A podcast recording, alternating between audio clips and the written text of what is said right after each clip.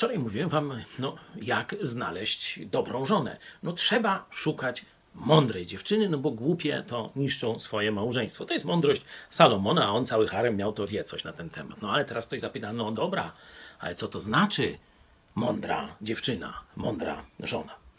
No i ta sama księga mówi takie dwa pierwsze wyznaczniki.